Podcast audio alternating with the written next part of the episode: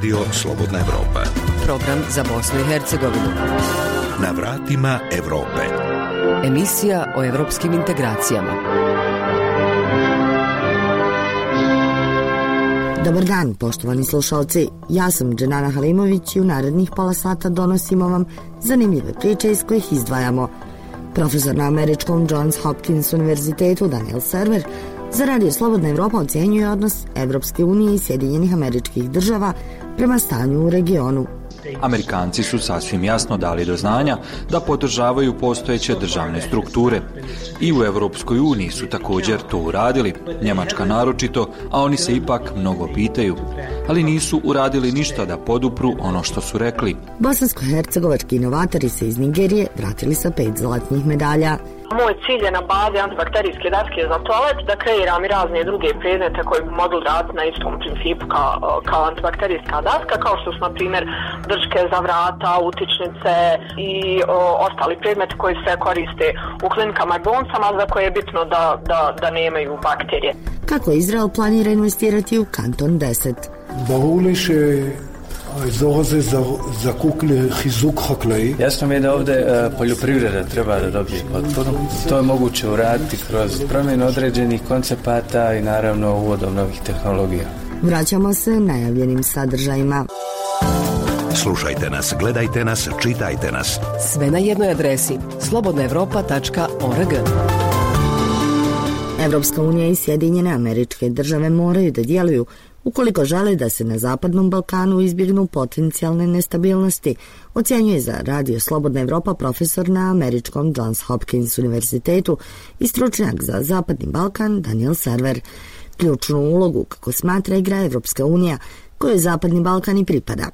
Promjene u Bosni i Hercegovini, navodi on, treba da traže građani, iako ih u tome obstruiraju politički lideri. Profesore Server, e, nakon svih non-papera koje smo imali priliku da vidimo ili o njima čujemo ovih dana, vi ste odlučili predstaviti svoj koji se tiče Bosne i Hercegovine, ali i Kosova. Kada je riječ o Bosni i Hercegovini, naveli ste potrebu za promjenama koje bi učvrstile funkcionalnost zemlje, ali i jaču ulogu Sjedinjenih američkih država, Evropske unije, ali i ureda visokog predstavnika. Šta vi očekujete od njih, odnosno šta Bosna i Hercegovina može očekivati ako oni ne reaguju? Yes, those are essential ingredients, it seems to me. Da, oni su, čini mi se, ključni sastojci. Mislim da su oni na testu i da su na testu svakodnevno, ne samo od Milorada Dodika, već i od Aleksandra Vulina, ministra unutrašnjih poslova Srbije. A test je da li će Zapad djelovati na prijedloge koji predstavljaju izazov za državne strukture na Zapadnom Balkanu. Do sada nije bilo dovoljne reakcije. Amerikanci su sasvim jasno dali do znanja da podržavaju postojeće državne strukture. I u Europskoj uniji su također to uradili, Njemačka naročito, a oni se ipak mnogo pitaju. Ali nisu uradili ništa da podupru ono što su rekli. Ja mislim da bi trebali da rade to što su rekli i smatram da bi trebali početi to da rade ili putem sankcija ili drugim sredstvima koje imaju na raspolaganju. Napravili su jednu zajedničku izjavu neruskih članova vijeća za implementaciju mira i to je dobro, ali još puno treba da se zaista i uradi prije nego što Vulin i Dodik stanu. Kako? Državni sekretar Sjedinjenih američkih država Anthony Blinken poslao je nedavno pismo bosansko-hercegovačkim vlastima u kojem je rečeno da se moraju pozabaviti manjim reformama najprije i osigurati da svi građani budu jednako tretirani. To je prilično mlaka poruka, naročito nakon očekivanja koja su bila posle izbora gospodina Bajdena za predsjednika. Pa činjenica je da je Bosna i Hercegovina prilično nisko u prioritetima Vašingtona danas i jako je teško iznijeti pitanja koja se tiču Zapadnog Balkana do nivoa predsjednika. Uvjeren sam da će predsjednik reagovati istog momenta kada bude postojala prijetnja po državu Bosnu i Hercegovinu, ali najbolji način je da se djeluje prije bilo kakve opasnosti. U tom je dijelu posao ljudi, kakav sam i ja, da gura vladu SAD da uradi nešto prije, radije nego poslije i smatram da bar svoj posao dobro radi. Posljednji non-paper, čije porijeklo nije tačno utvrđeno, predlaže etničku podjelu Bosne i Hercegovine. Je li tako nešto uopšte moguće? Of course it's possible, but it's not possible without violence. Naravno da je moguće, ali nije moguće bez nasilja. Smatram da je dobra većina, preko 50% ljudi, posvećeno očuvanju državne strukture i veliki procenat bi bio spreman da se bori kako bi to i održao. Prijedlog na papiru je prijedlog za ono što smo mi 90. govorili, da islamska država neće biti održiva. I to je smiješno iskušenje da bi se nametalo bošnjacima. Bošnjaci žele biti dio Europe i oni koji prakticiraju islam umjereni su muslimani. Smiješno je to što Vulin radi, a to je da Srbiji stvori veoma problematičnu državu uz njenu granicu.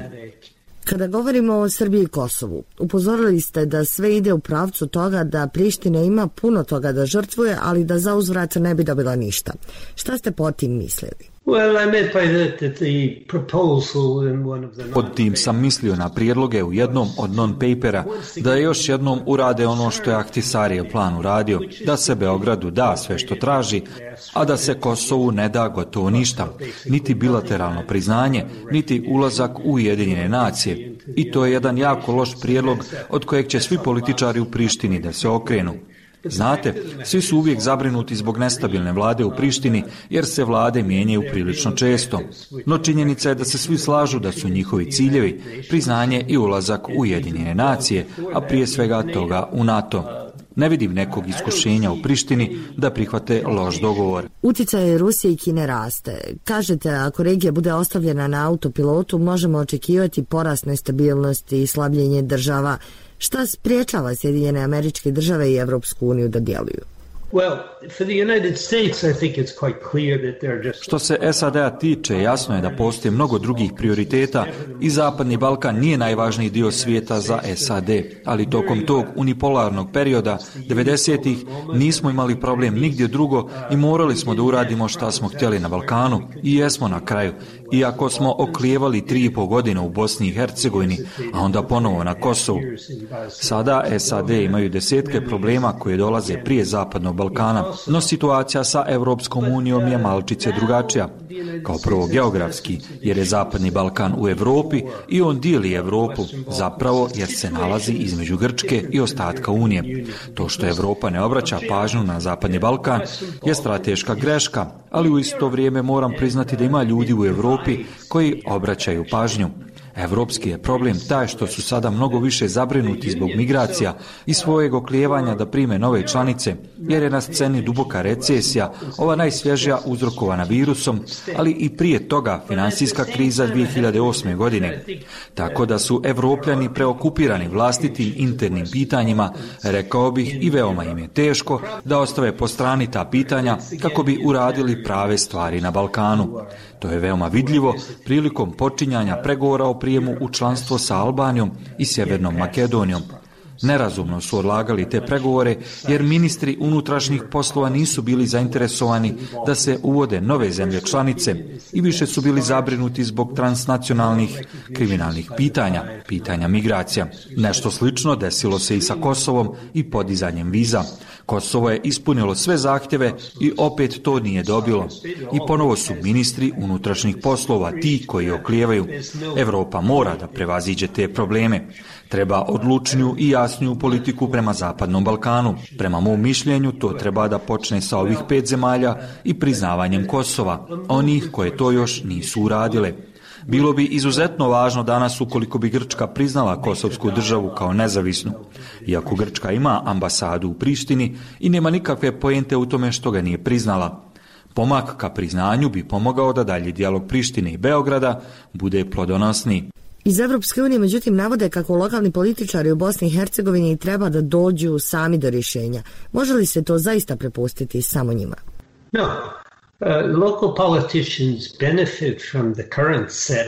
ne, lokalni političari profitiraju od trenutne postavke koja osigurava njihov reizbor i kontrolu nad njihovim etničkim grupama. Sastojak koji nedostaje u Bosni i Hercegovini je Mislim javni stav i masovni pokret. Sa masovnim pokretom u BiH postoje naročiti problemi jer su, prema mom mišljenju, bosanci uplašeni idejom izlaska na ulice. Zašto? Zato jer je građanski rat započeo demonstracijama na koje su srpske snage pucale. Ljudi oklijevaju kada su u pitanju ti masovni pokreti, ali to nedostaje. Ja ne mogu isporučiti ustavne promjene koje bi bile jako poželjne i koje bi pomakle odlučivanje u Sarajevo i na nivo opština. Čak i da sam najmoćniji Amerikanac na svijetu, ja to ne bih mogao. To mora biti rezultat građanskog pokreta u Bosni i Hercegovini. I tu su Dodik i Izetbegović prilično uvjereni da se neće desiti, a i ako se pojavi naznaka o tome, oni to suzbiju što je jače moguće. Za Radio Slobodna Evropa govorio Daniel Server, profesor na američkom Johns Hopkins univerzitetu i stručnjak za Zapadni Balkan. Reforme za Evropu. Inovatori iz Bosne i Hercegovine ostvarili su još jedan veliki međunarodni uspjeh sa izložbe inovacija u nigerijskom gradu Port Harcourt. Petero članova asocijacije inovatora Bosne i Hercegovine vratilo se sa pet zlatnih medalja. Uz malo podrške i razumijevanja, patenti i proizvodi koje predstavljaju na ovakvim manifestacijama mogli bi postati vrijedni izvozni brendovi Bosne i Hercegovine. Priča Alena Bajramovića. U pravo vrijeme, dok pandemija koronavirusa zadaje glavovolju cijelom svijetu, Sašenko Sadiković iz Ljubuškog patentirao je antivirusnu zaštitnu masku. Njegova inovacija nagrađena je nedavno u Turskoj, a zlatnu medalju Sašenko je osvojio i u Nigeriji. Kaže da je to samo jedna od 35 zlatnih i isto toliko srebrnih medalja sa međunarodnih sajmova i izložbi koje osvaja i kao penzioner. Otkriva u čemu je tajna njegove antivirusne maske počela ova korona, zamislio sam se kako da se spašavamo, da se spašavamo i tako te stvari. Ona, naj, ona, ona, ova, ova maska, ona je zato što je kroz ovu masku ne mogu bakterije prolaziti. Jer je ona obrazana bakrenom folijom ili aluminijskom folijom. A kaj je, ovaj, da samo je to poneko poznato, je to možda i, znate, po bolnicama nekada ste najprije, naj, onaj, sve moguće su šteke, su pravljene od mesinga. Zato što se na mesingu i na bakrenu ne, bakterije uopšte ne zadržaje. Sazinjanka Meliha Klopić, bachelor zdravstva, do sada je razvila kolekciju proizvoda za njegu kože i kose, a u Nigeriji je prvi put predstavila svoj šampon za jačanje korijena kose. Ova nagrada iz Nigerije je zapravo za proizvod koji se tiče e, problematičnog vlasništa, koje je sklono saboreji, psorijazi, e, perute, opadanju, odnosno svim, svim tim problemima kojima, kojih uzrokuje uzrokuju na vlasništvo.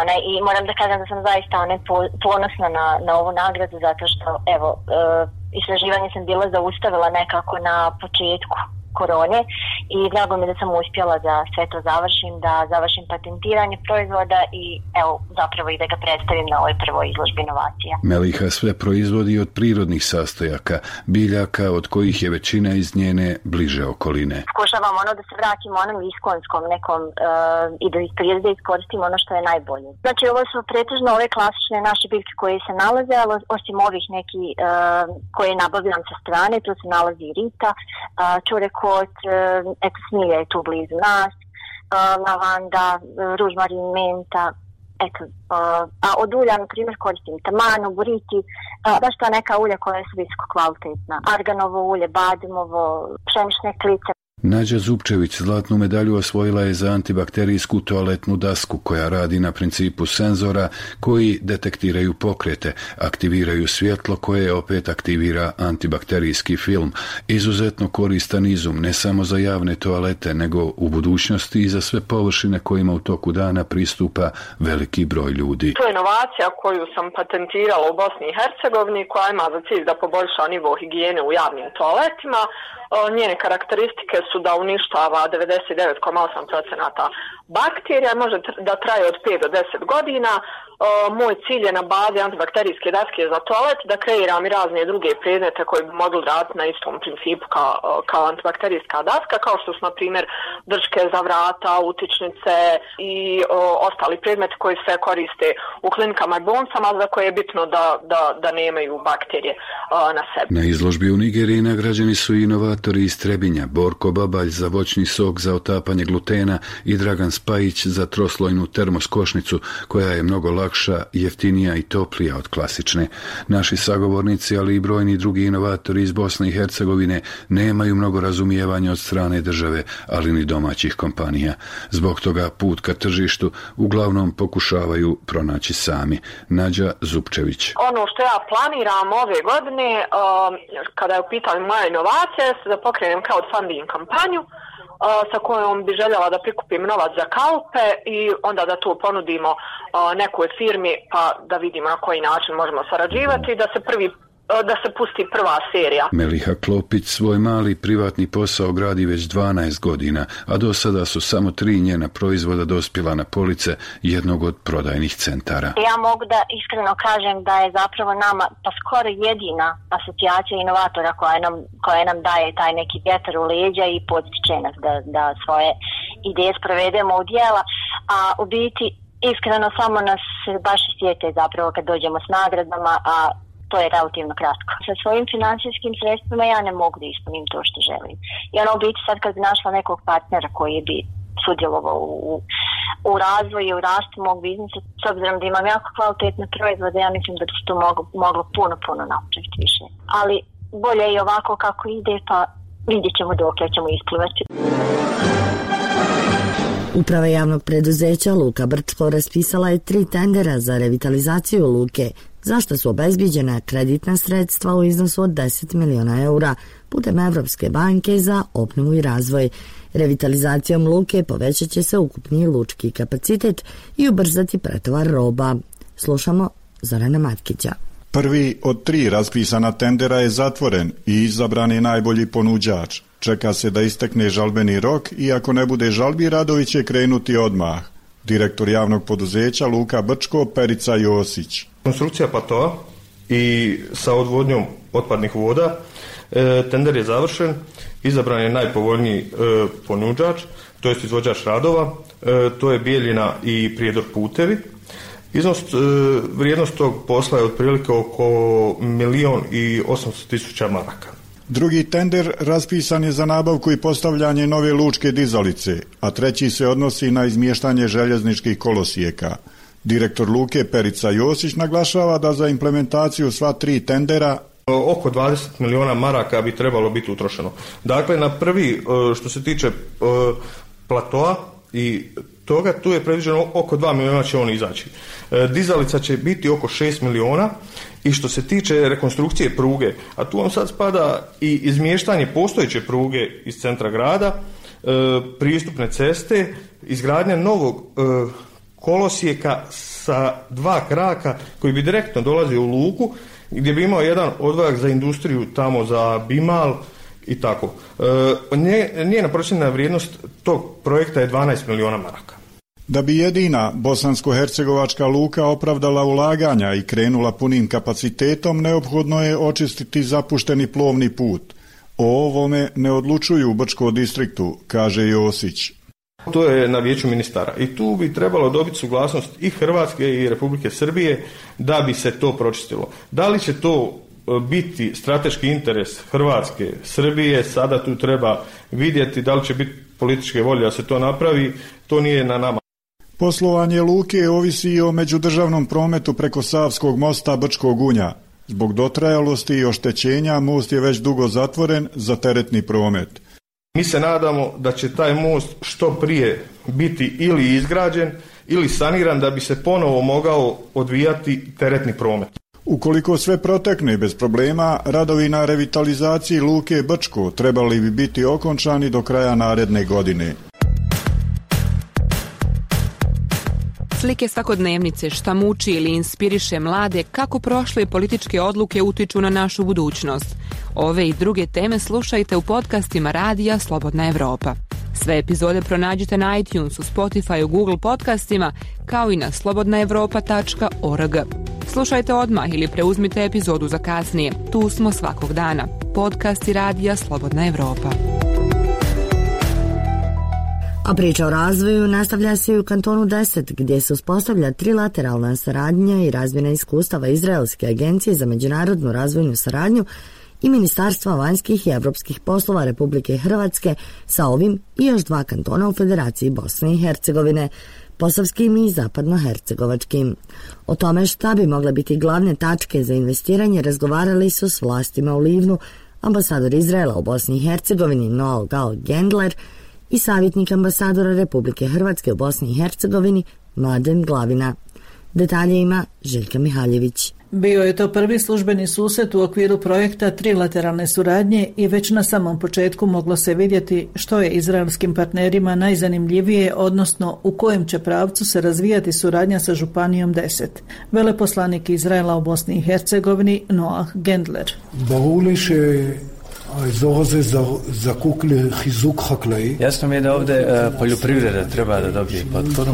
To je moguće uraditi kroz promjenu određenih koncepata i naravno uvodom novih tehnologija. Nidraš Dakle, područje je bogato vodom, međutim to predstavlja isto tako izvjesne probleme, potreban je malo drugačiji i bolji menadžment. Inovacije su potrebne da bi došli do boljih rezultata u bilo kojoj oblasti o kojoj smo govorili i također da bi sljedeća generacija ostala na ovom području koje bi e, ostalo kvalitetnije. Značajnijeg unapređenja poljoprivrede bez melioracije i bolje gospodarenja vodnim resursima nema. Suglasni su i gosti iz Izraela, ali i domaćin, premijer Županije 10 Ivan Vukadin. Naravno da je bilo riječi o melioraciji, ali isto tako bilo riječi o navodnjavanju. Međutim, e, problem je drugačijeg pristupa rješenja zbog geografske dužine, širine i pozicije Izraela i pozicije Herceg-Bosanske županije.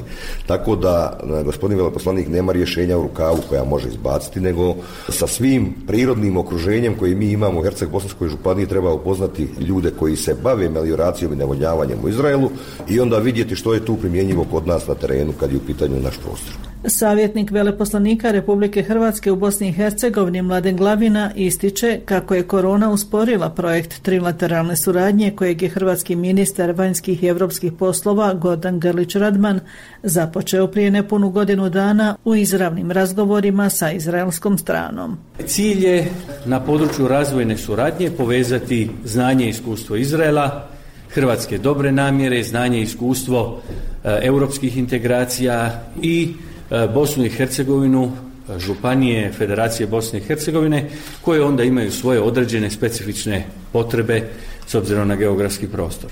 Radi se o početku jedne dugoročne suradnje. Ministarstvo vanjskih poslova i svog fonda razvojne suradnje već sada izdvojilo određeni manji dio novca za prve početne razgovore. Međutim, mi imamo u našem srednjoročnom planu sljedeće tri godine ozbiljno investirati u ovakav vid suradnje. Lokalne samouprave iznijele su probleme s kojima se susreću na županije da kroz zakonsku regulativu omogući nastavak započetih i pokretanje novih projekata. Istaknuo je premijer Vukadin te dodao kako je postignuto i suglasje o načinima suradnje. Na ovakve sastanke se ne dolazi nepripremljen, odnosno dolazi se jako pripremljen.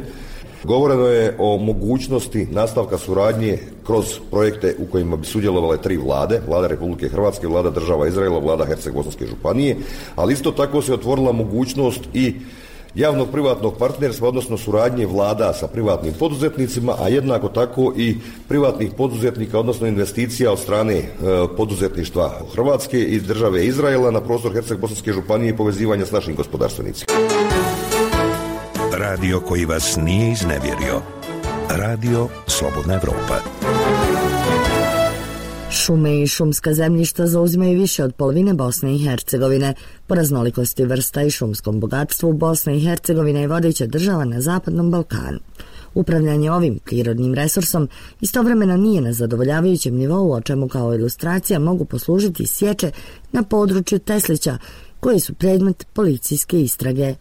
Slušamo Arnesa Grbešića. Dosadašnja policijska istraga o pustošenju šumskog bogatstva na području Teslića, koja traje skoro pola godine, pokazala je da je šumskom gazdinstvu Borja, koje upravlja šumama u tom kraju, pričinjena šteta veća od milion maraka. Osumnjičeni protiv kojih je policija podnijela izvještaj su iz Tesličkog šumskog gazdinstva i privatnih firmi koje se bave eksploatacijom drveta i u vlasništvu su lokalnih političara. Nakon podnošenja policijskog izvještaja okružnom tužilaštvu u Doboju, osumnjičeni Osumnjičeni su odgovorili da su ispunjavali zahtjeve vladajuće političke stranke te kako su radili za političku kampanju, medije, sportske klubove. U jednom se svi slažu, pljačka šumskog bogatstva nije upitna. Tehnolog u šumskom gazdinstvu u Tesliću Goran Jović kaže da se ilegalne sječe događaju već dvije decenije.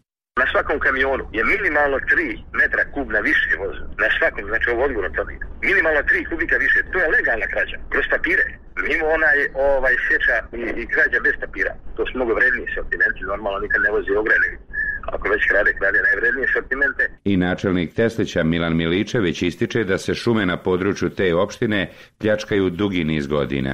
Znači jedna kompletna dezorganizacija u kojoj se ne, ne poštuju osnovna pravila eksploatacije šume i gdje se stiču ogromne sume novca koji idu u privatne džepove. Da smo dobivali ona sredstva koja po zakonu dobivamo procentualno od svakog kubika posječenog drveta, naš bi budžet e, opštinski bio jako, jako bogat.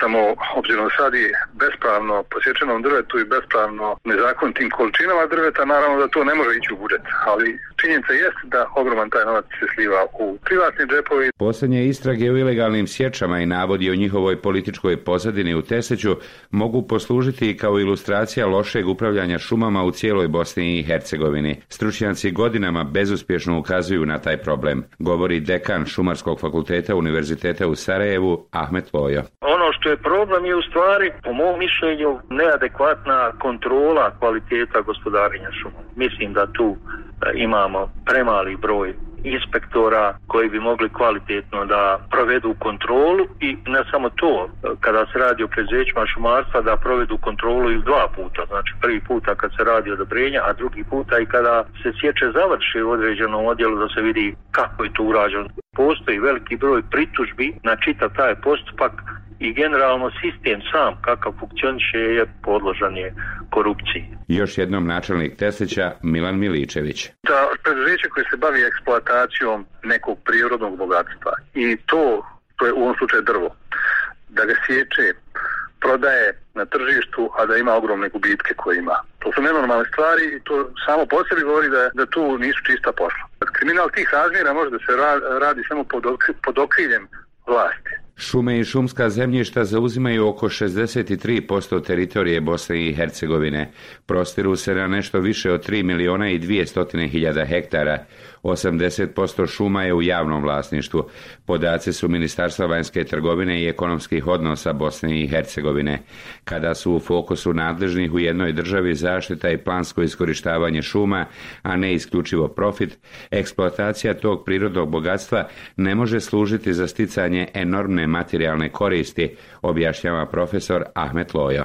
Šumarstvo nije, ako se radi onako kako treba i po pravilima struke, to nije privredna grana od koje se može zaraditi ili postati bogat. Znači, uglavnom, ako radite kvalitetno, tu nema nekog velikog novca i zarade i zbog toga država, zbog opšte korisnih funkcija šuma i potrebe onoga što su direktne koristi, direktne ili indirektne, ovisno toga o kojim se radi, uživa cijelo društvo, cijela država, a ne samo privatni vlasnici ili, i sama, onda je država značajna sredstva ulaže u svim razvijenim zemljama u oblast šumarstva, dok je kod nas upravo obrnuta situacija. Tehnolog u šumskom gazdinstvu Borja i doktor šumarskih nauka Goran Jović. Mrežan je čitav sistem, znači od, od šumskog gazdinstva, radnika, pojedinih radnika šumskog gazdinstva, menadžmenta do pojedinih drugog Vlasništvo i upravljanje šumskim resursima je u nadležnosti entiteta, odnosno kantona i Brčkog distrikta Bosne i Hercegovine.